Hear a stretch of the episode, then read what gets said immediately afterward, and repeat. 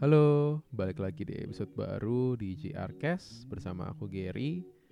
Uh, untuk kali ini kita akan ngebahas soal how do I see atau gimana cara aku melihat.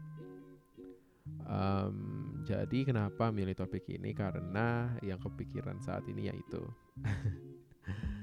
jadi um, mungkin yang belum tahu ya atau yang belum dengerin episode-episode sebelumnya mungkin uh, aku itu merupakan uh, penyandang low vision dan aku mungkin ngejelasin lebih detail ya low vision itu apa dan kondisiku seperti apa.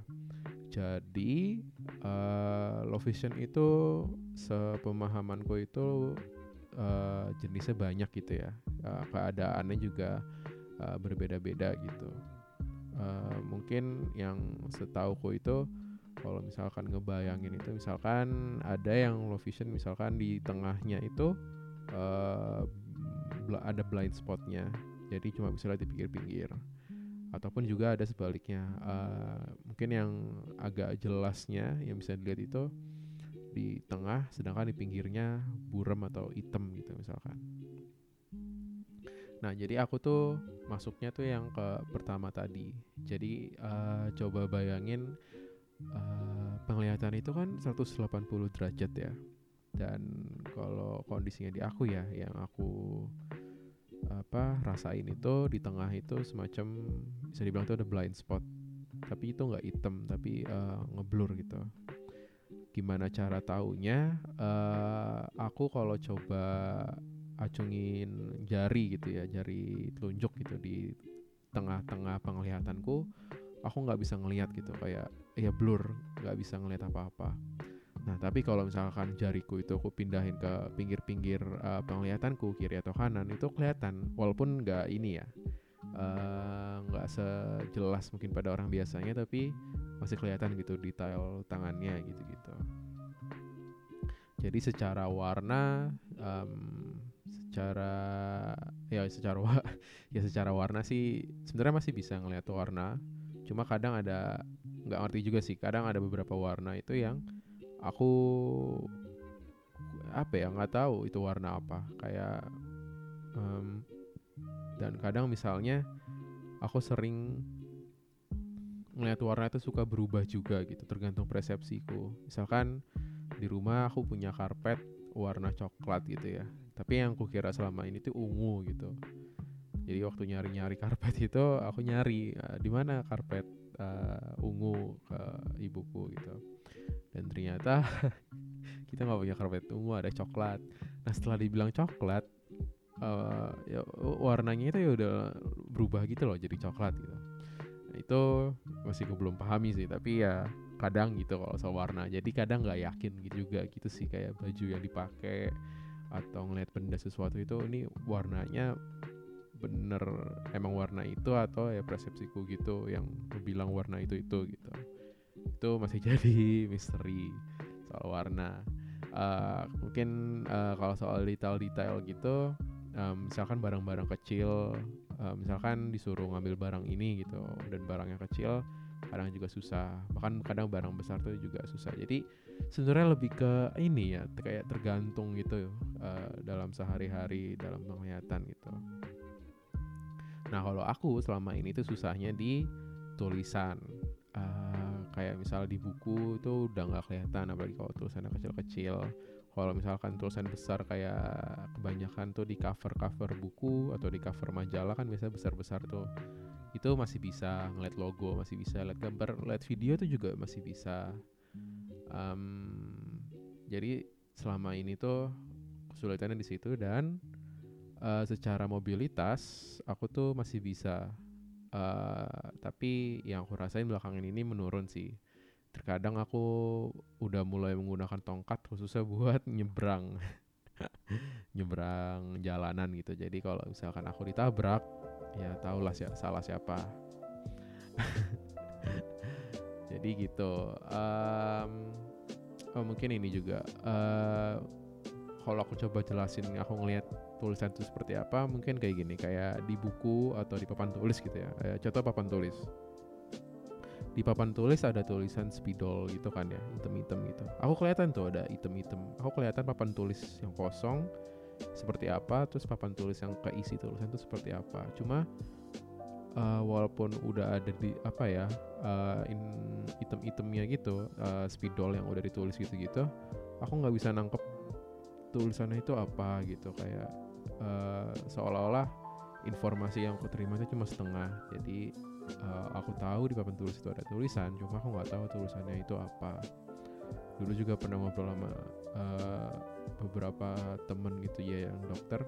Kemungkinan uh, kalau nggak salah itu aku tuh punya masalah dalam saraf uh, otak ke mata.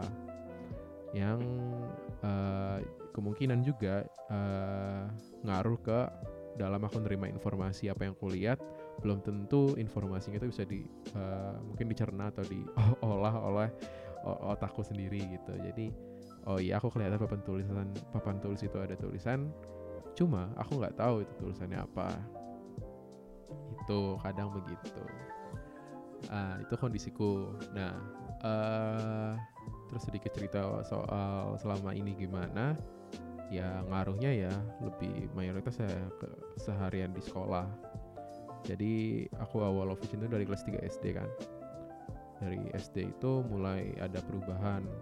Uh, dulu awal aku love vision tuh aku ya aku juga gak ngerti aku itu low vision kenapa gitu-gitu. Yang aku rasain ya susah ngelihat papan tulis maju-maju akhirnya kalau ada tugas apalagi pilihan ganda itu aku ngasal gitu.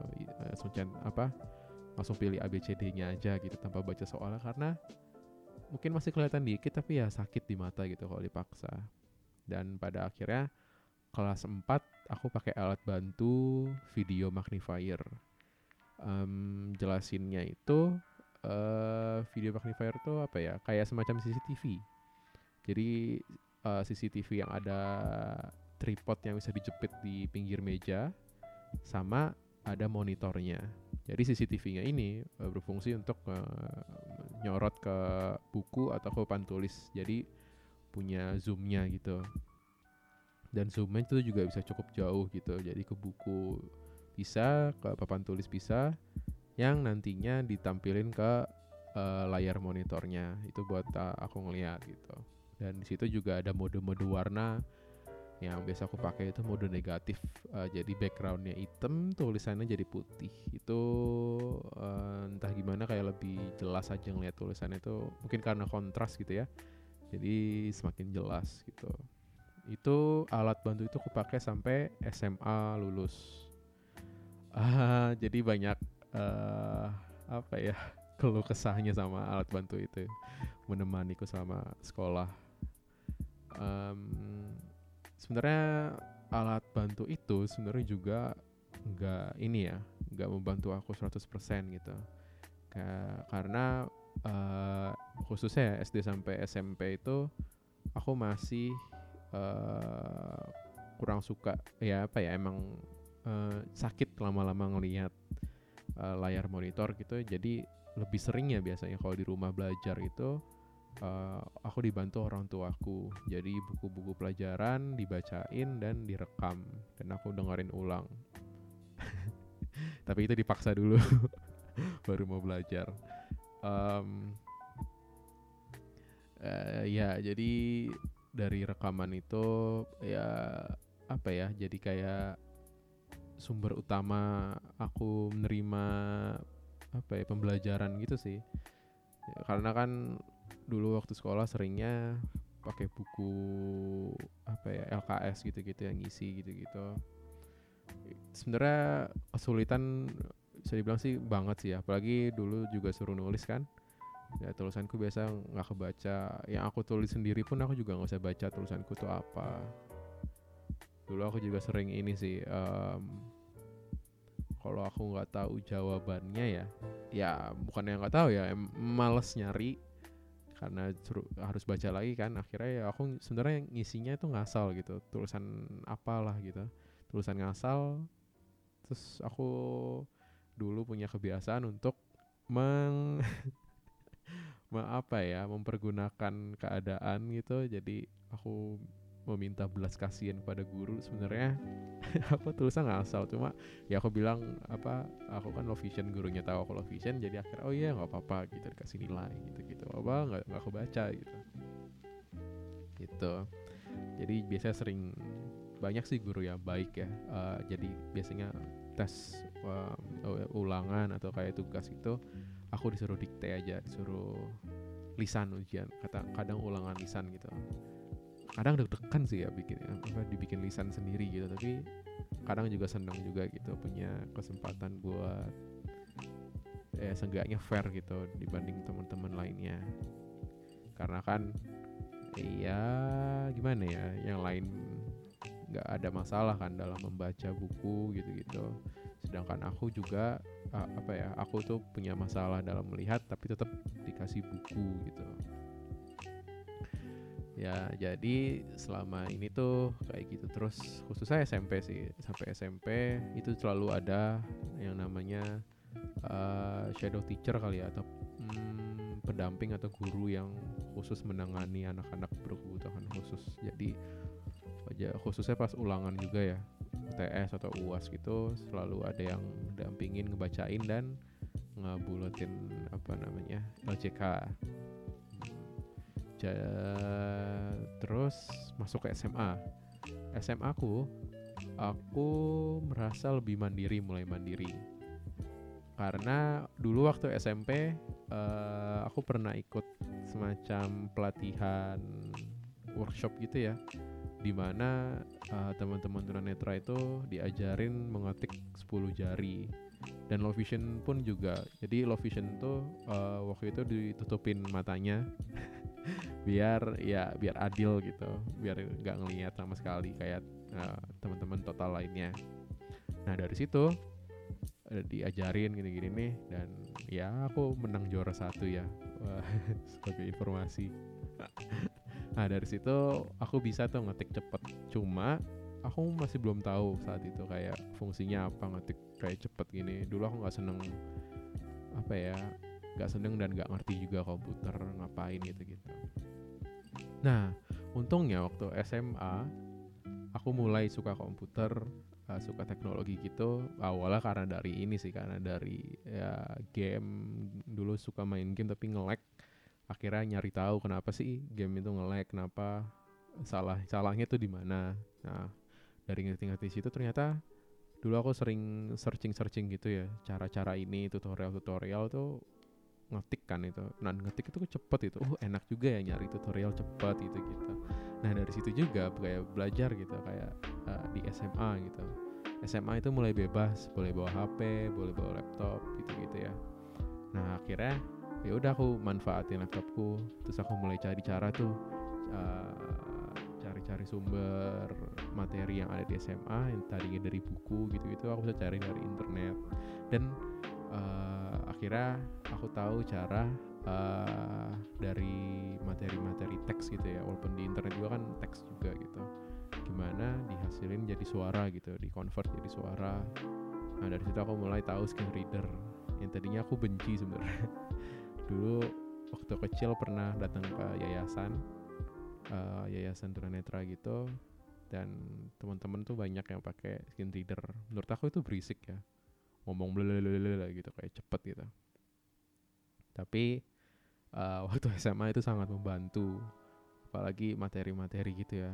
Dan akhirnya aku bisa belajar sendiri nggak mesti uh, orang tua aku ngebantu harus rekam gitu gitu nah dari situ aku kayak mulai oh asik ya ternyata bisa laptop gitu gini nih uh, tapi walaupun gitu tetap aja sih SMA itu kan ujian itu tetap pakai LJK ya. Jadi ya aku tetap harus ada yang damping buletin dan soalnya kan juga uh, mayoritas pakai kertas. Jadi dibacain juga um, buat soalnya itu. Akhirnya langsung ke kuliah. Kuliah baru aku mulai benar-benar sendiri. Selain ngerantau um, ya aku juga harus survive gitu loh. Um, belajar sendiri cari materi sendiri kayak ya kalau aku nggak belajar nggak ini ya nilaiku jelek dan ya siapa yang mau ngurus aku juga gitu. Jadi ya tanggung jawabku gitu. Jadi dari situ mulai sih kayak asik. Aku uh, alat bantu yang ngebantu banget itu ya teknologi itu. Aku cukup laptop sama HP ya dan internet juga itu udah cukup gitu. Selagi masih ada materi yang ada di uh, internet gitu. Atau berbentuk soft file kayak apa namanya? Kayak PDF atau mungkin kayak di browser gitu ya. Jadi gitu sih. Uh, jadi untuk sekarang sekarang aku masih skripsian. Sekarang itu alat bantu utama aku ya komputer, laptop, HP gitu. Jadi uh, istilahnya apa ya? Ya itu cara aku melihat.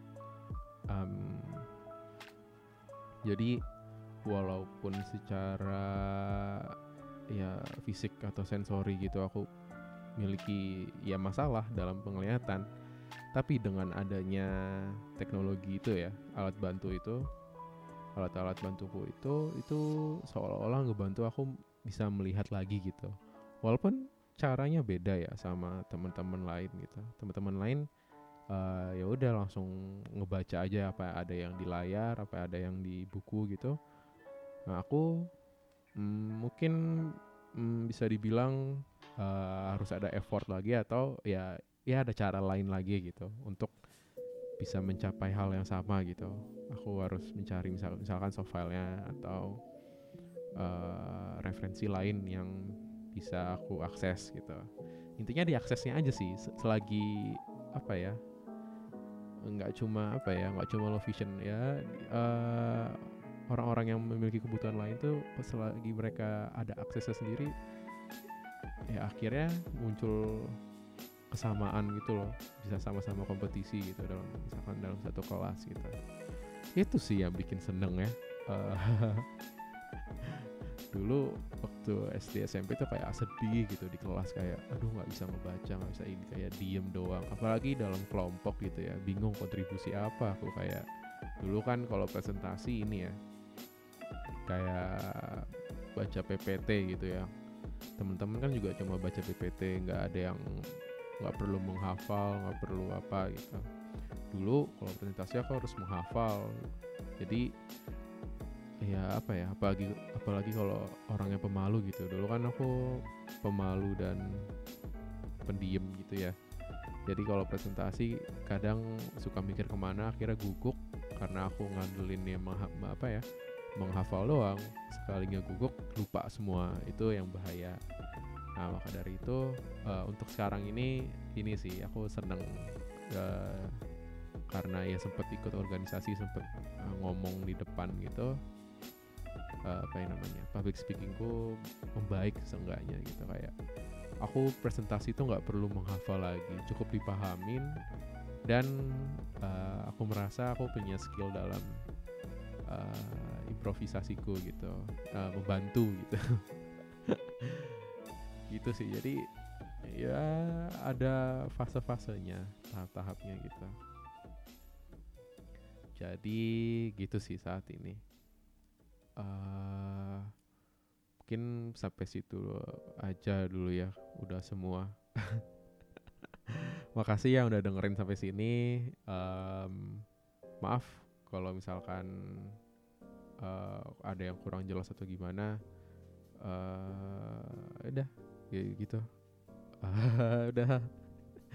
Jadi akur akhirnya. Ya ya bye bye dadah